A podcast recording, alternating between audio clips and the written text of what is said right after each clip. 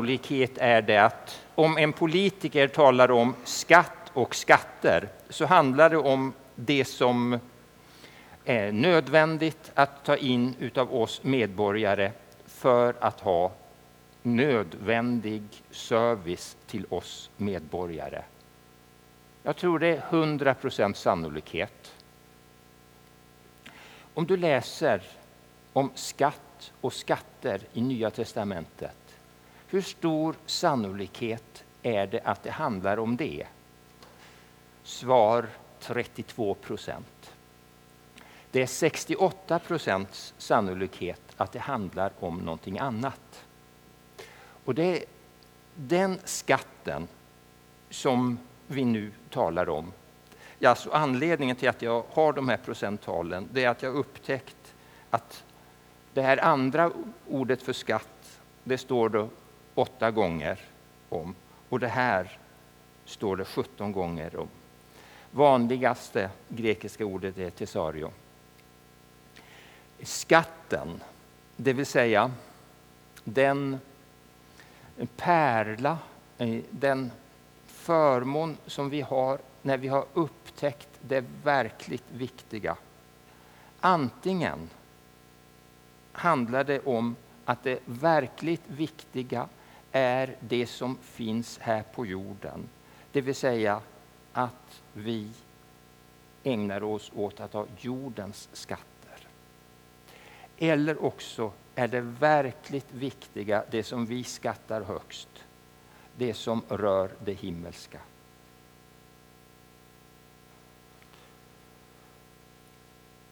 Vad innebär det här? Jag läste om kung Ahas i morse och gjorde en aha-upplevelse. Han hade fått höra de här orden. Om ni inte har tro så ska ni inte ha ro. Eller också som det kan översättas. Om ni inte står fast, eh, fasta så mister ni fästet. Men han miste fästet. Istället för att hålla sig till Gud så höll han sig till de avgudar som de främmande folken dyrkade i tro på att när de hade hjälpt hans fiender så kunde de hjälpa honom. Där kom aha-upplevelsen. Om vi gör någonting annat än att hålla oss till Gud så går det bättre för oss. Och därför så de gånger vi tjänar på att göra något annat än det Gud vill kan det bli så att vi gör det. Det är sättet att tänka utifrån att samla skatter på jorden. Och Det kastar ljus lite grann över vår inbjudan till att vara kristen. Jag säger så här.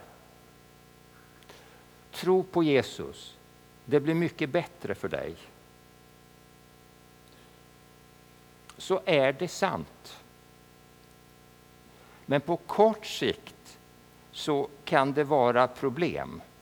För det första, om du börjar tro på Jesus så har du en omgivning runt omkring dig som inte tycker om det i en del fall. För det andra, om du tror på Jesus så innebär det att du kan behöva ändra på en del saker i ditt liv som gör det jobbigt. För det tredje, om du tror på Jesus så är Guds motståndare inte glad åt det. Så det här argumentet att du får det bättre om du tror det håller inte om man ser det på kort sikt. Det håller bara om man ser det på lång sikt. Och därför är ett bättre argument för att tro på Jesus är det är rätt att göra det därför att Gud är skaparen utav den här jorden och det är rätt mot skaparen att vi håller oss väl med den son som han har sänt ner till jorden och att vi står på hans sida i kampen mot det onda. Och att det sen då för evigt blir bättre för oss är en bonus.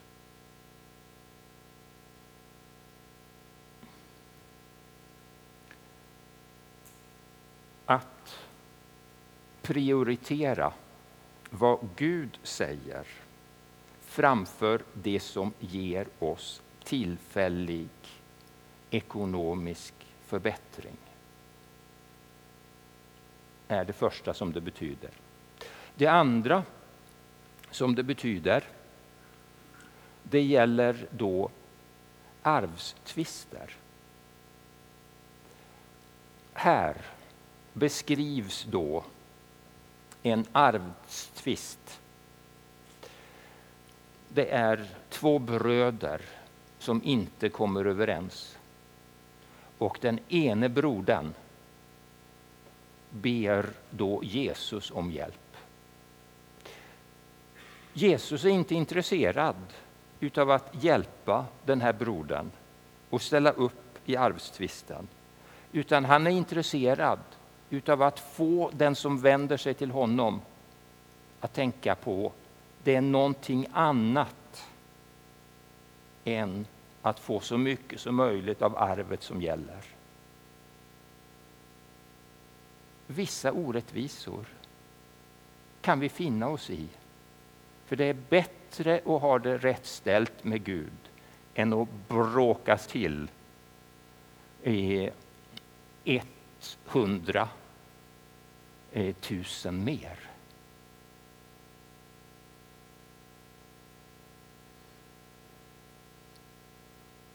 Därmed inte sagt att vi inte ska ta vara på möjligheten att tala om våra anspråk.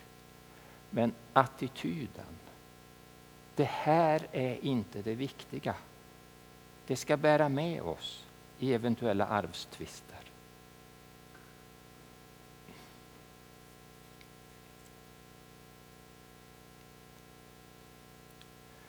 Skatter i himlen, skatten i himlen istället för skatter på jorden. Vad innebär det?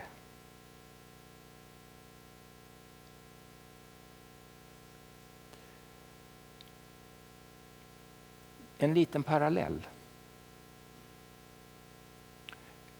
Hur många är det som har tänkt på höstdagjämningen som dela lika-dagen?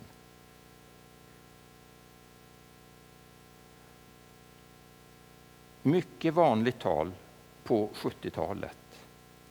Och vi har fått mindre utav det här solidariska tänkesättet. Eh, ju mer det har handlat om att roffa åt sig. Det är mindre utav tankar på att fördela det som är det materiella idag än vad det har varit tidigare. För orättvisorna mellan fattiga och rika ökar. Men den här dagen, höstdagjämningen, då dagen är lika lång vid Sydpolen som vid Nordpolen. Lika lång i Afrika som här i Europa. Den dagen är en tankeställare för oss när det gäller att dela med oss. Vi kan se på de materiella tillgångarna på två sätt. Det första är det är det här med att vara rik inför Gud som är det viktiga. Det är det andliga som är det viktiga. Det materiella är oviktigt. Och utifrån det tänkesättet så kan det vara en tanke. Vi ska leva så grått det bara går. Låta bli så mycket som möjligt utav de här rikedomarna. Försöka oss, hålla oss borta. Eh, vi kan inte kanske gå ut i öknen och bli ökenfäder. Vi kanske inte klarar av att gå i kloster, men vi, vi kan ju försöka så gott vi kan hålla oss borta från det. Och så sen uppmana alla våra medmänniskor att hålla oss borta från det här. Strunta i de som har det svårt. Fly bort. Det är inte det bibliska sättet att se på det.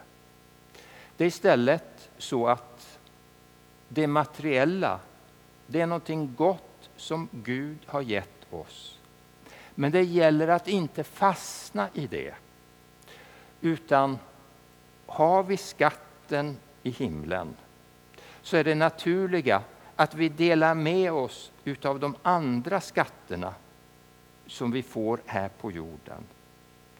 Dela dem istället för att krampaktigt behålla det för oss själva.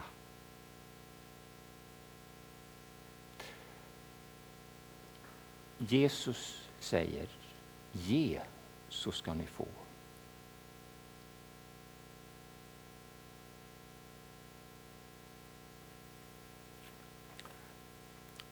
Det här sättet att tänka, Jesus ska ni få.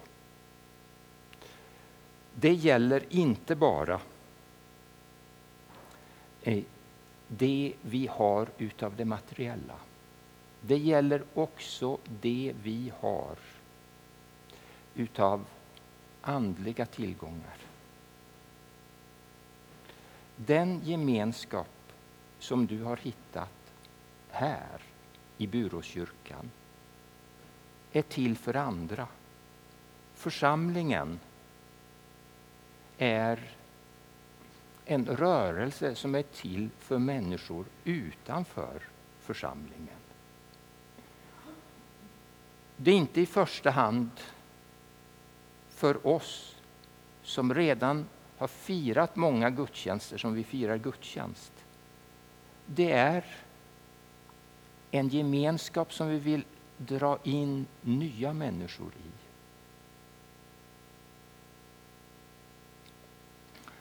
Tre stycken missuppfattningar utav vad, vad jag vill säga här.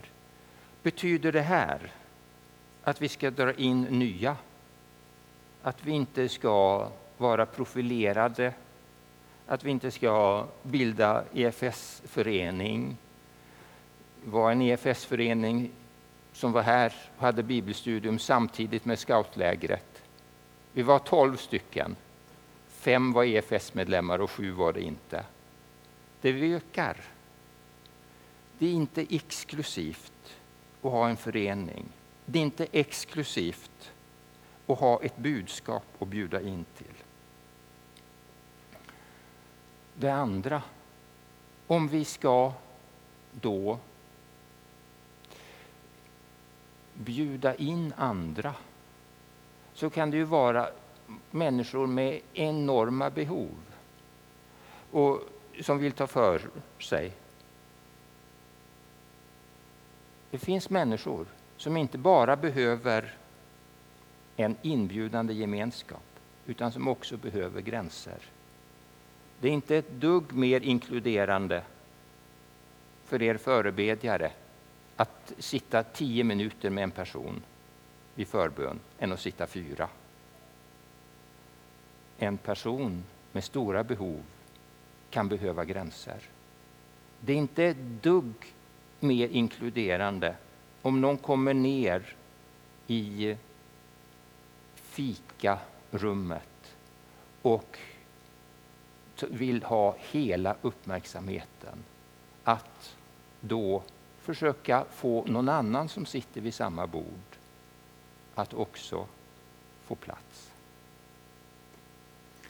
Inkluderande går hand i hand med gränssättning.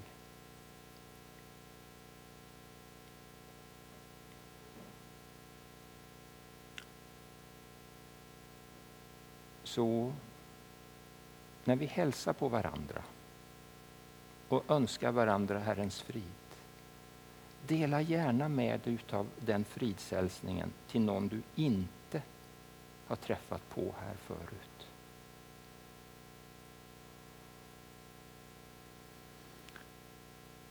Alltså, inte koncentration på skatterna här på jorden, utan skatten i himlen.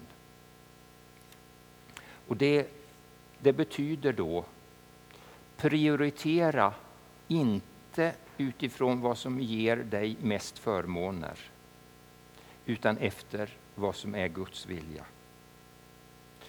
Gå inte in i onödig kamp för att få tag i någonting. Utan var beredd på att låta dig bli överkörd, till exempel vid en arvstvist. Ge, så ska du få.